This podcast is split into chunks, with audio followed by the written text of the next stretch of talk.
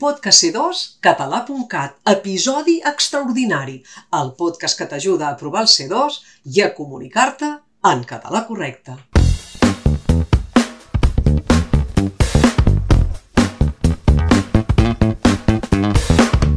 Avui us fem un podcast extraordinari, perquè aquest cap de setmana passat també ho ha estat. Hem examinat les proves orals del C2 de català i un cop més els examinants han tornat a fer els errors de sempre.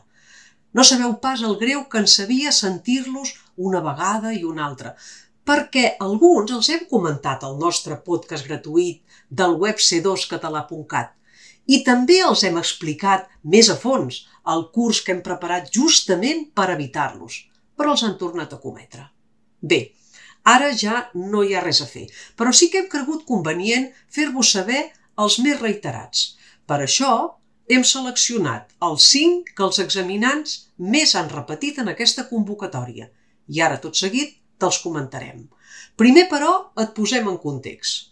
Els examinants havien de parlar durant uns 7 minuts aproximadament sobre els avantatges i els inconvenients d'estudiar en línia arran de la Covid-19.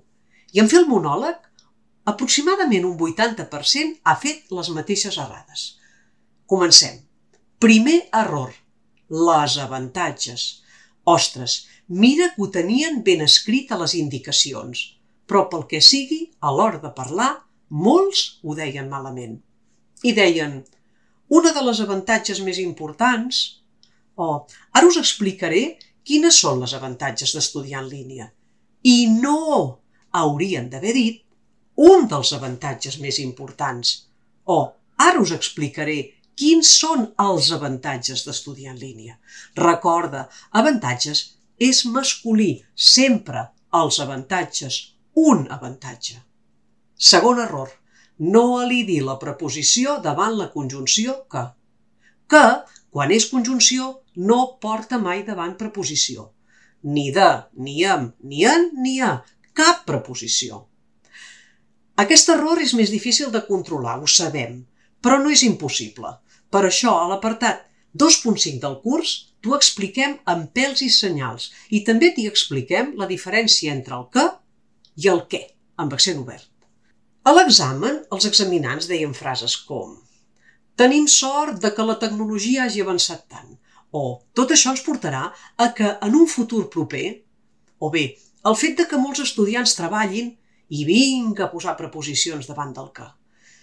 Haurien d'haver dit tenim sort que la tecnologia hagi avançat tant.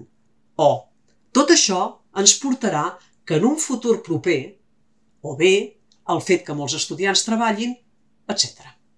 Recorda, si que és conjunció i no pronom, relatiu, per exemple, que ho seria si es pogués canviar per qual. No podem posar-hi una preposició davant. Tercer error. En quant a. Es tracta d'un error molt freqüent i molt fàcil de controlar. Per què es comet, doncs, si és tan fàcil? Perquè la gent tendeix a traduir literalment d'altres llengües i no sap que això de traduir literalment és perillosíssim. Es pensa, per exemple, que si en castellà és en cuanto a, en català deu ser en quant a. Al curs, a l'apartat 2.12, també te'l comentem, aquest error quan tractem la diferència entre quan amb T i quan sense T. Els examinants a l'examen deien frases com en quant als inconvenients d'estudiar en línia o en quant al futur dels estudis en línia i ja ho havien fet malament. Què haurien d'haver dit? Haurien d'haver dit quan els inconvenients d'estudiar en línia o quan el futur dels estudis en línia. Fixa-t'hi, s'ha de dir quan a, sense en davant. I si per alguna raó no t'agrada aquesta expressió, pots triar-ne una altra, com per exemple vol que fa o a propòsit de, etc. Quart error. Aquest error, per desgràcia, el detectem gairebé sempre. És el famós i odiós però, així, amb la e tònica, com en castellà. I sentíem frases com Estudiar en línia està bé, però hem de tenir en compte... Oh, abans he comentat que, però ara vull afegir I així una vegada i una altra la majoria dels examinants. I havien d'haver dit estudiar en línia està bé, però hem de tenir en compte. Oh, abans he comentat que, però ara vull afegir. Com ho havíem dit sempre, vaja. És veritat que algun examinant ho deia bé alguna vegada, però la que se sentia còmode parlant perdia el control i començava a dir-ho malament. Recorda, en català hem de dir però. La tònica és la O, no la E. Cinquè error. L'últim error, i dels més freqüents també, és fonètic. Cada dia se sent més pronunciar que, així, com en castellà.